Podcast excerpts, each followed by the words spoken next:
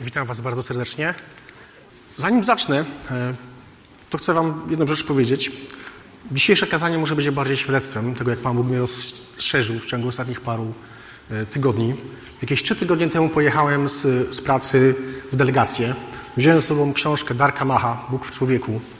E, I Bóg za pomocą tej książki, oczywiście też wersetów, które tam są, dotknął mnie bardzo mocno. Chciałem się tym dzisiaj z Wami podzielić. Tym, w jaki sposób właśnie Bóg do mnie przemawiał e, i co z tego wyciągnąłem. Chciałbym, abyśmy zaczęli od e, wersetu z pierwszego listu do Koryntian 3,16. Pierwszy list do Koryntian 3,16.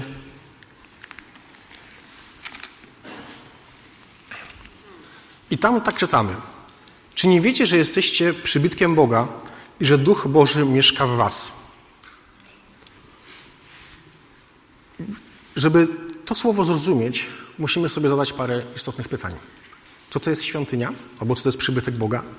I co to znaczy, że Duch, Duch Boży mieszka w Was? Wiecie, ja się urodziłem w kościele protestanckim. Jako małe dziecko e, chodziłem na szkółki i tam śpiewaliśmy taką piosenkę. Czy nie wiecie, że jesteście świątynią? I mi się wydawało, że ja wiem, że jestem świątynią, że jestem przybytkiem Boga od samego początku, od tego jak byłem małym dzieckiem. Ale to była kropka. To, to nie zmieniało mojego życia.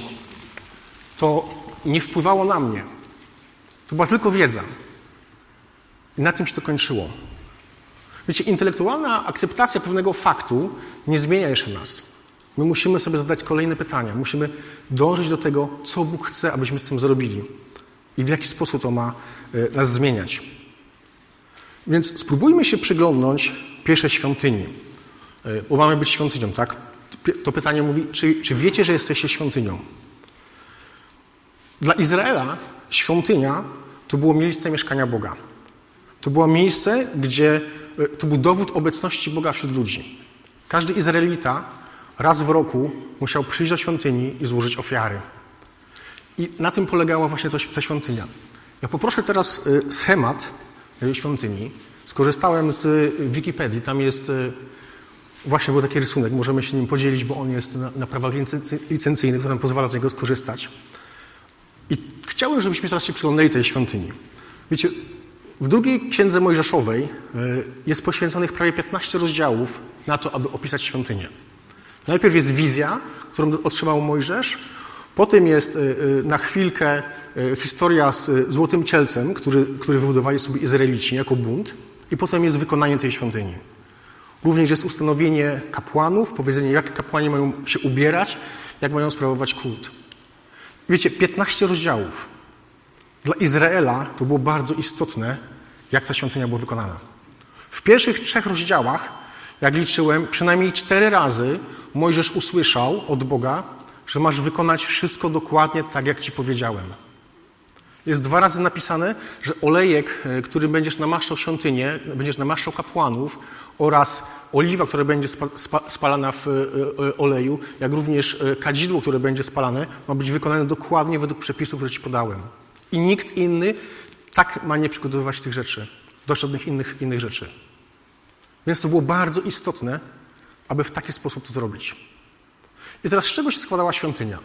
Świątynia, świątynia była otoczona można powiedzieć, była otoczona takim murem albo namiotem y, w czasach mojżeszowych, bo to jest symbol, to jest plan świątyni mojżeszowej. Od wschodu była brama do tej świątyni i pierwszą rzeczą, którą się spotykało, jak się weszło na, na, na teren świątyni, to był y, ołtarz do całopaleń.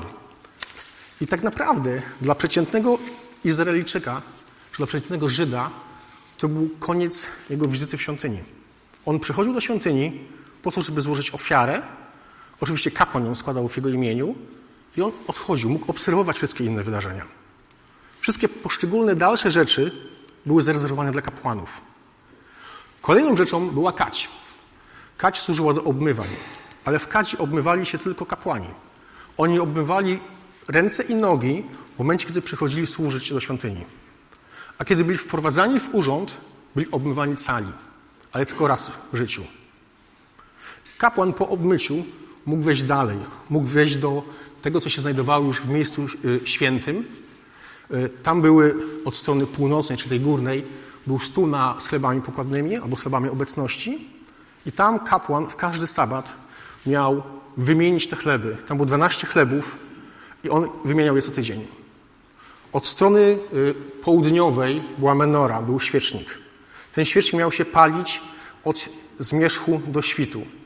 I kapłani wieczorem mieli wejść, zapalić te, świec, te, te świeczki, te świece i rano je zgasić i oporządzić.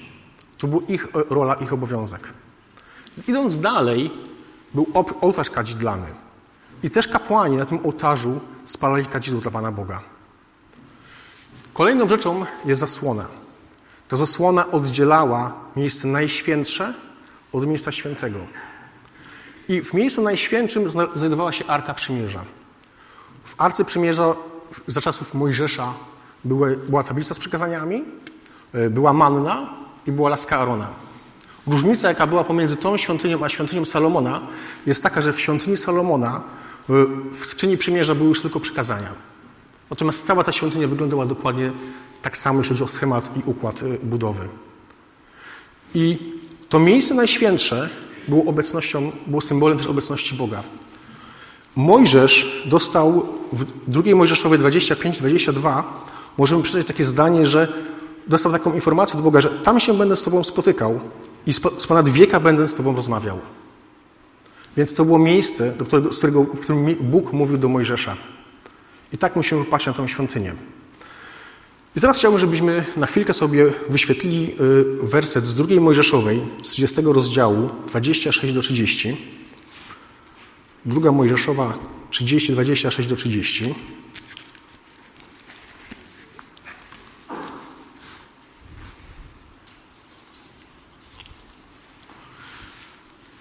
To jest e, to, co Bóg e, kazał zrobić Mojżeszowi w momencie, kiedy cały namiot, cała ta świątynia zostanie ukończona.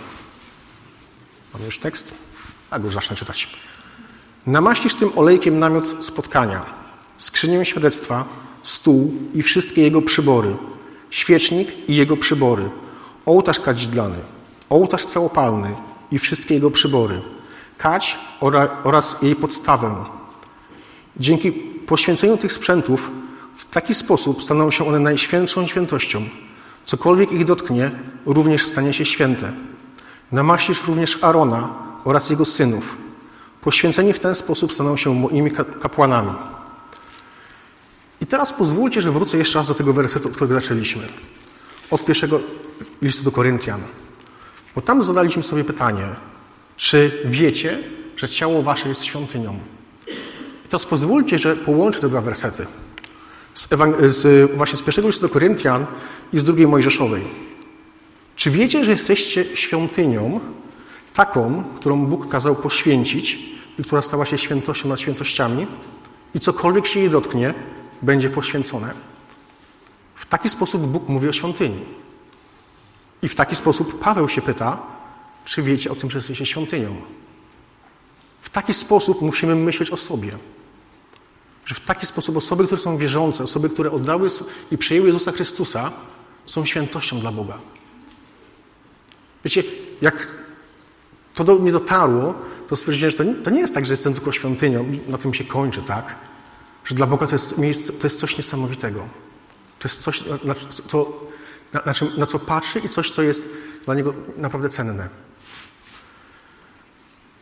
Jeszcze jedna rzecz. W momencie, kiedy Mojżesz poświęcił yy, namiot, poświęcił cały przybytek, to, co czytamy w drugiej Mojżeszowej 40-34, wtedy obok zakrył namiot zgromadzenia, a chwała napełniła przybytek.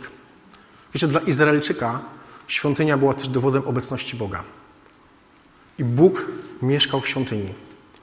Więc Bóg mieszka również w nas. Bóg mieszka w każdym z nas i jest w nas. Wiecie, jakbyśmy wrócili z powrotem do e, rysunku, do schematu tej świątyni, bo w Ewangelii Jana w piątym rozdziale, 39 wersecie 46 sam Jezus mówi do faryzeuszów, do znawców Pisma, że badacie Pisma, bo sądzicie, że macie w nich żywot wieczny, a one składają świadectwo o mnie, czyli o Jezusie. Gdybyście bowiem wierzyli Mojżeszowi, wierzylibyście i mnie. O mnie, czyli o Jezusie, bowiem napisał Mojżesz. Więc ta świątynia też mówi o tym, jaki będzie Jezus, jaka będzie Jego misja, jaka będzie Jego rola.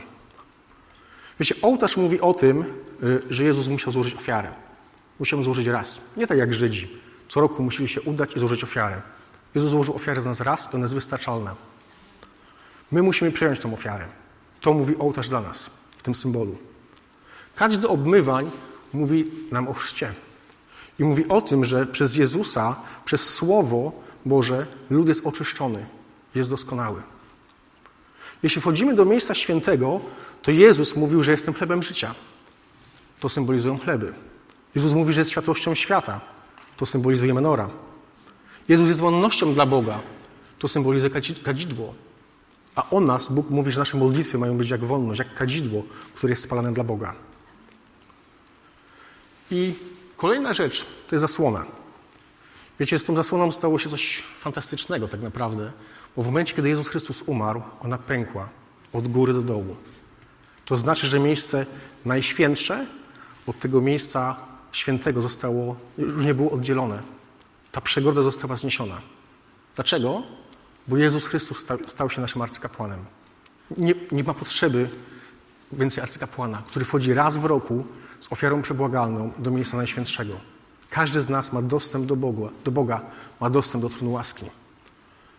Wiecie, musimy się jeszcze skoncentrować na chwilkę na arce, bo arka była też w niesamowity sposób przygotowana i zbudowana. Arka była zrobiona z drewna. Drewno jest symbolem człowieka. Była powleczona złotem, co jest symbolem Boga. I to symbolizuje Jezusa Chrystusa, doskonałego Boga i w pełni człowieka. I w środku, w tej arce, były trzy symbole buntu. Była laska Arona, którą Aaron, tak jak samo jak Mojżesz, czynił znaki, a pomimo, pomimo to naród izraelski nie był posłuszny.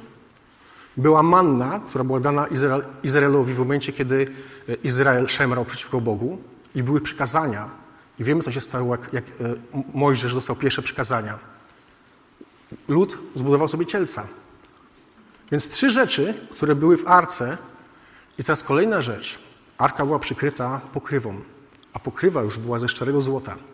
Szczere złoto symbolizuje Boga. Wiecie, Bóg zasłania nasze grzechy. To, co nas od Boga oddala. Jesteśmy przykryci, nasze grzechy są przykryte przez Boga. I w taki sposób Bóg na nas patrzy. Wiecie, powiedziałem, że do świątyni tak naprawdę wchodzili kapłani tylko. E, I to, co jest istotne, znowu możemy przejść w 1 Piotra 2,9, ale wy jesteście rodem wybranym, królewskim kapłaństwem, narodem świętym, ludem nabytym, abyście rozgłaszali cnoty tego, który was powołał z ciemności do cudownej swojej światłości. Albo w objawieniu Jana 1,6 i uczynił nas rodem królewskim, kapłanami Boga i Ojca swego. Wiecie, w momencie, kiedy e, w Nowym Testamencie, bo w Nowym naszym przymierzu jesteśmy kapłanami, mamy prawo do tego. Nie potrzebujemy pośredników. Nie potrzebujemy nikogo, kto za nas wejdzie z ofiarą do, do świątyni, albo kto za nas będzie sprawował wszystkie rzeczy. Bóg pozwala nam e, na przyjście. On nas pociąga do e, właśnie roli kapłaństwa. I teraz po raz kolejny sobie zwróćmy uwagę na to. Czy wierzysz w to, czy przyjmujesz to, że tak Bóg na ciebie patrzy? Że jesteś świątynią, Świątynią, którą Bóg sobie poświęcił, świątynią, którą, w której mieszka Bóg i świątynią, która jest w pełni y, Jego. To, to by nie powiedział właśnie Bóg, czytając tą książkę, czytając różne wersety. Ale to nie koniec, bo y, to jest pierwsza rzecz. Czy jesteśmy świątynią, ale świątynią, w której mieszka Duch Boży. Jeśli chciałem, żebyśmy teraz zobaczyli na e, fragment z Ewangelii Jana z 17 rozdziału, wersety od 20 do 23 i potem 26.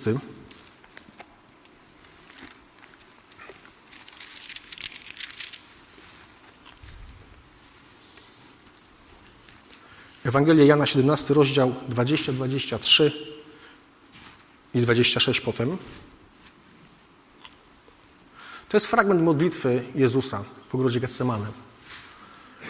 Wstawiamy się nie tylko za nimi, ale także za tymi, którzy dzięki ich słowu będą wierzyć we mnie. To jest, od tego wersu zaczniemy.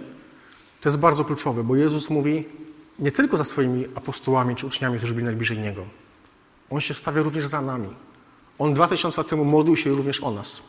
Modlił się o każdą wierzącą osobę. I ta modlitwa również dotyczy nas. O co tu się Jezus modlił?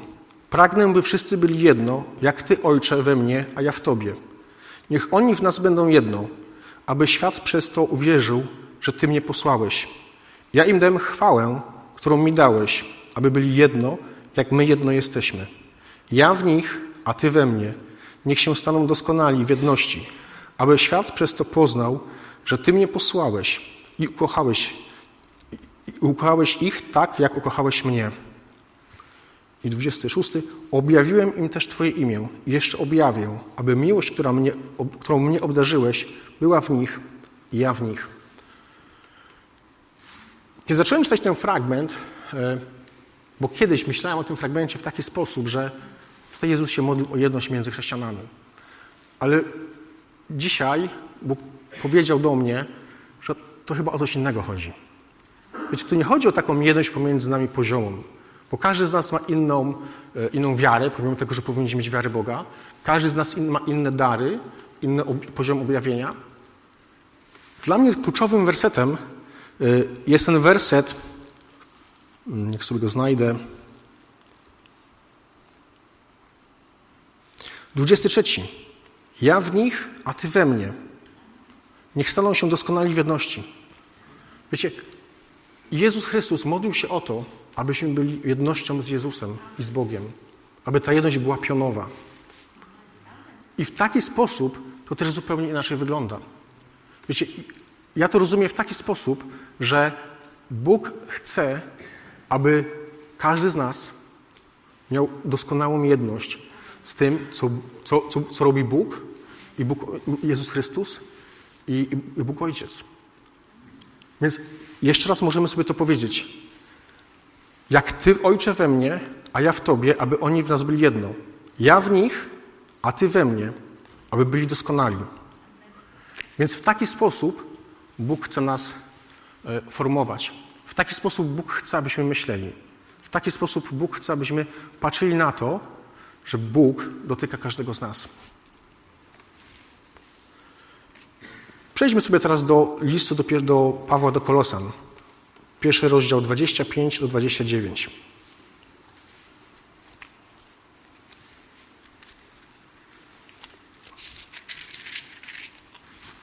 Pierwszy list Pawła do Kolosan 1, 25 do 29. Tutaj Paweł mówi coś takiego. Rzecznikiem tego kościoła zostałem zgodnie z planem Boga, powierzonym mi ze względu na Was wypełnić Słowo Boże. Tajemnicę zakrytą od wieków i pokoleń, a teraz objawioną Jego świętym. Im Bóg zechciał oznajmić, jak wielkie jest wśród pogan bogactwo chwały, tej tajemnicy, którą jest Chrystus w Was, nadzieja chwały. To Jego ogłaszamy, napominając każdego człowieka i każdego z mocą, mądrością, i każdego z mocą mądrością nauczając, tak by każdą osobę przedstawić jako doskonałą w Chrystusie. Na tym właśnie się trudzę i z tym zmagam stosownie do Jego działania, które zresztą z całą siłą się we mnie przejawia. I tu znowu kluczowym wersetem, albo kluczowym fragmentem jest, że Paweł mówi nam o tajemnicy. Paweł chce, żebyśmy zrozumieli pewną tajemnicę. I ta tajemnica nie była oczywista w Starym Testamencie pod, pod, pod zakonem, pod przymierzem zakonu. Ta tajemnica staje się aktualna w momencie, kiedy jesteśmy w Nowym, Nowym Przymierzu, kiedy jesteśmy uczniami i wierzącymi Jezusa Chrystusa. Jezus, y, tą tajemnicę jest Chrystus w nas. Tak naprawdę Jezus Chrystus powiedział swoich uczniów, że On odchodzi do nieba, ale Duch Święty weźmie z Niego i wróci na ziemię i dotknie każdego z nas i będzie z każdym z nas.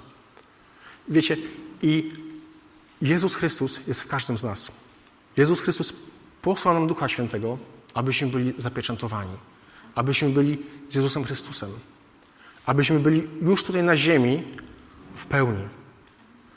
I teraz Paweł mówi, że Jego to zwiastuje. Takiego Jezusa Chrystusa.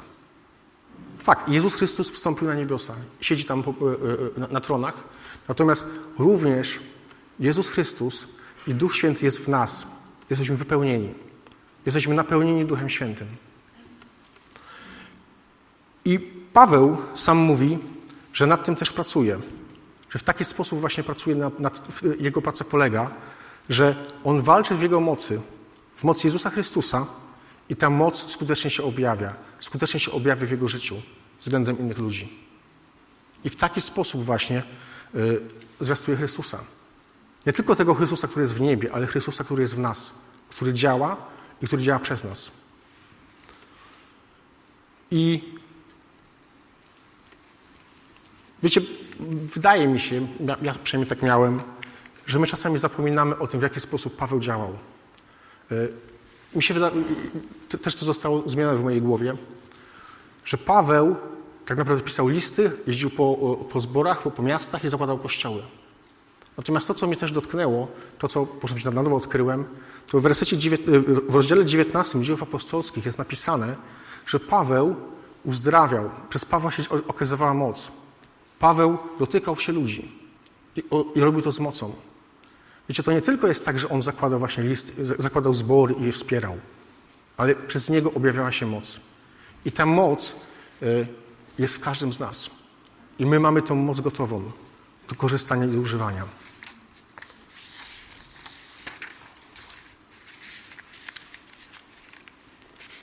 Wejdźmy sobie jeszcze ostatni fragment do przeczytania. To jest list do Rzymian, dziesiąty rozdział.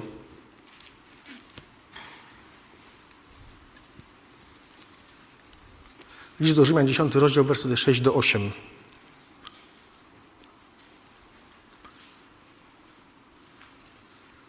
A usprawiedliwienie jest z wiary, który jest z wiary tak mówi. Nie mów w sercu swym, kto wstąpi do nieba, to znaczy, aby Chrystusa sprowadzić w dół.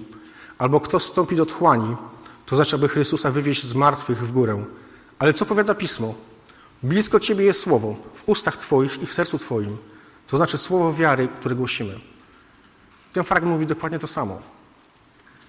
Nie mamy potrzeby, nie mamy mówić w sercu swoim, że potrzebujemy ściągnąć Chrystusa z nieba albo szukać Go w otchłani. On jest w nas. Jezus Chrystus nas wyposażył wszystkim, co potrzebujemy. Wiecie, cytowałem bardzo dużą ilość tekstów po to, abyśmy mieli taką pełną świadomość tego, co to znaczy, że jesteśmy świątynią, co to znaczy, że mieszka w nas Duch Święty. I teraz jakie są tego konsekwencje? Bo to jest najważniejsze dla nas. Co z tego zrobimy? Co z tym zrobimy? Wiecie, tych konsekwencji jest kilka. Pierwsza jest taka, e, że musimy sobie uświadomić, że Jezus Chrystus, że Duch Święty jest w nas 24 godziny na dobę, 7 dni w tygodniu, 365 dni w roku. Cokolwiek robimy, On jest zawsze z nami. Gdziekolwiek idziemy, On jest z nami. Cokolwiek słuchamy, On to też słyszy. Jest z nami. I powiem tak, i bardzo dobrze, że jest z nami. Wiecie, gdyby co jakiś czas gdzieś sobie gdzieś zniknął, to wiecie, to byłoby dla nas bardzo niebezpieczne. Bo nie chcę powiedzieć, że nas od razu jakiś demon albo szatan nas o, o, o, zawładnie nami, tak? Wystarczy, że w to miejsce wejdę, wejdzie moje ja. I zamiast służyć Bogu, tak powiedział Paweł, będę służył samemu sobie. Wiecie, to jest bardzo istotne, że Bóg jest wierny i jest zawsze z nami. Ale to też ma swoje konsekwencje. Bo pytanie, jak wygląda Twój tydzień albo Twój rok? Co robisz przez cały rok, przez cały tydzień? przez każdą godzinę, przez każdą minutę. Bo Jezus Chrystus jest zawsze z Tobą. Jest zawsze w Tobie. I wiecie, Maciej parę tygodni temu użył bardzo fajnego przykładu. Z kolą, która jest czarna, która w momencie, kiedy się nawracamy, jest, odkręcamy i wkładamy się pod strumień takiej czystej, świeżej wody. Wiecie, ta woda się do, tego, do, tej, do tej koli wlewa i wylewa, wypukuje te wszystkie niezdrowe cukry, wszystkie inne paskudztwa, które tam są. E, i ta woda staje się, przy długim czasie stanie się krystaliczna. Ale wiecie, jak my się wyciągamy spod tego strumienia Ducha Świętego, to po pierwsze mamy stagnację, ale jeśli wchodzimy w miejsca, w do tej butelki zaczynamy ładować różne brudy i różne inne rzeczy, to ta woda znowu się staje brudna. A potem mówimy, Panie Boże, nie działa. Nie da się. Co robimy? To mówię też do siebie. Przez cały tydzień, przez całe nasze życie, przez każdy dzień, przez rok. Więc to jest pierwsza konsekwencja e, tego, że Bóg widzi to wszystko, co robimy. I czasami go zasmucamy. Czasami jest zasmucony tym, co, co my robimy, tym, w jaki sposób działamy. Albo tego, czego nie robimy. Ale jest druga konsekwencja i ona jest nawet ważniejsza. Bo jeśli mamy Jezusa Chrystusa w sobie, mamy Ducha Świętego, tak, to Jezus Chrystus uzdrawiał. Jezus Chrystus dotykał się ludzi, którzy potrzebowali. Więc tak naprawdę mamy to też robić. Jezus Chrystus jest w nas i, robi, i będzie nas wspierał w tym, co mamy działać. Nasze chrześcijaństwo to nie ma być tylko teoria.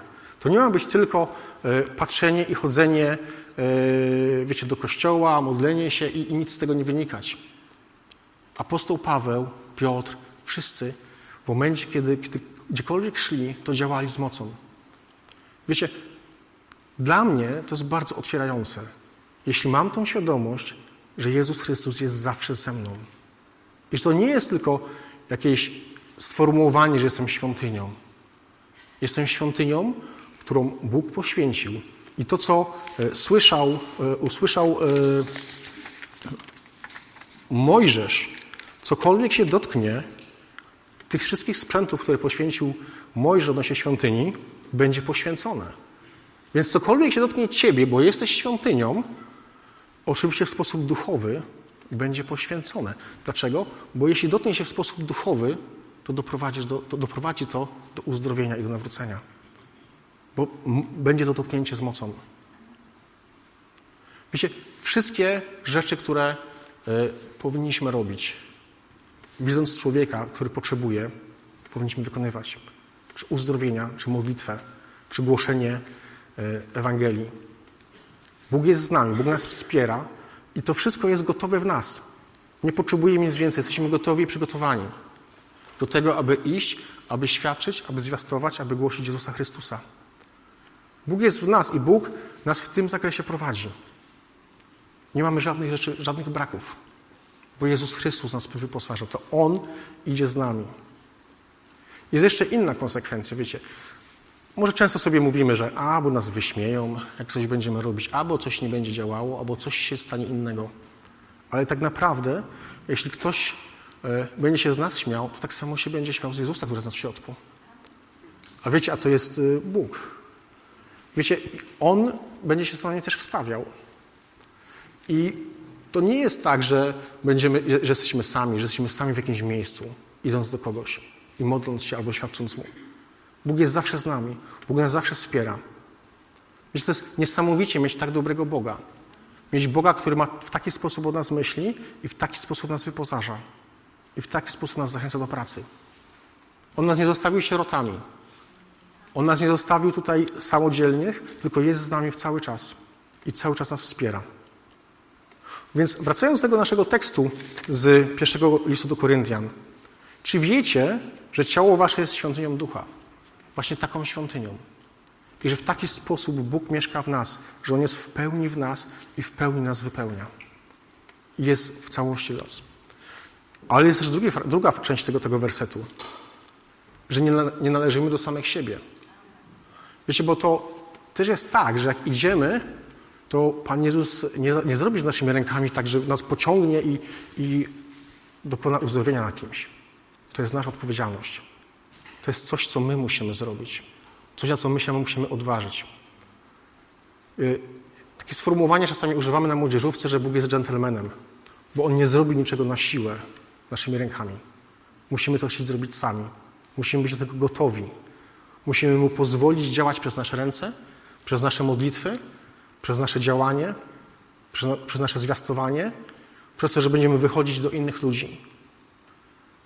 Wiecie, to jest coś, co Bóg e, bardzo mocno właśnie zmienił w ciągu ostatnich paru tygodni w, moim, w mojej głowie.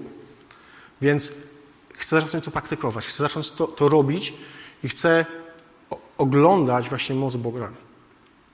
Chcę zmieniać właśnie to w moim życiu.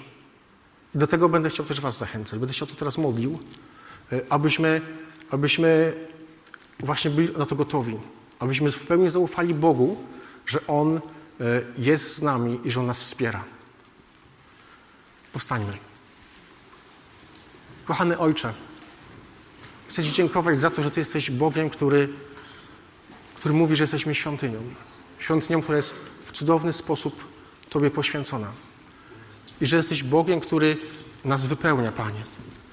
Jesteś Bogiem, który mieszka w naszych sercach i chcę Cię, Panie, prosić o to, abyś e, Ty nas wprowadził, Panie, abyś dał nam taką świadomość tego, że Ty jesteś zawsze z nami. Abyśmy, Panie, nie podlegali strachowi, abyśmy nie podlegawali troskom, ale, Panie, odważnie szli do drugiego człowieka.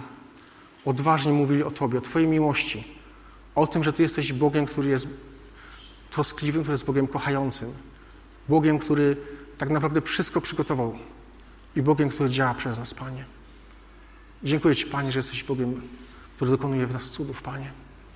I chcę Ci za Panie dziękować. Amen. Chcę się też modlić o te osoby, które e, nie należą do, może do, do jeszcze do Jezusa, które nie mają, nie mają uregulowanych e, rzeczy z Bogiem. Za te osoby, które może gdzieś pobłądziły i, i gdzieś e, szukają i nie rozumieją tego, co znaczy być świątynią, nie rozumieją tego, co to znaczy być, być, być właśnie częścią Kościoła. Chcę się o Was modlić i, i chcę Was zachęcić do tego, bo Jezus Chrystus wysłuchuje takiej modlitwy. I dokonuje się coś niesamowitego. W momencie, kiedy zmawiamy taką modlitwę, to w tym momencie Bóg przychodzi do nas. Właśnie to jest ten moment, w którym On nas uświęca i zamieszkuje nasze życie. Kochamy Ojcze, chcę Ci dziękować za to, że Ty wszystko przygotowałeś. Chcę Ci dziękować, Panie, za Twojego Syna Jezusa Chrystusa, który, Panie, zmarł na krzyżu. Zmarł na krzyżu i poniósł ofiarę za moje grzechy. Chcę Ci podziękować, Panie, za to, że Ty dokonałeś wszystkiego i ogłaszam to, że przyjmuję ofiarę Twojego Syna Jezusa Chrystusa do swojego życia. Ogłaszam to, Panie, że chcę podążać za, Twoje, za Jezusem Chrystusem, Panie. Uznaję Go swoim Panem i Zbawicielem. I chcę być Mu posłuszny, Panie, przez resztę mojego życia tutaj na ziemi, Panie. Amen.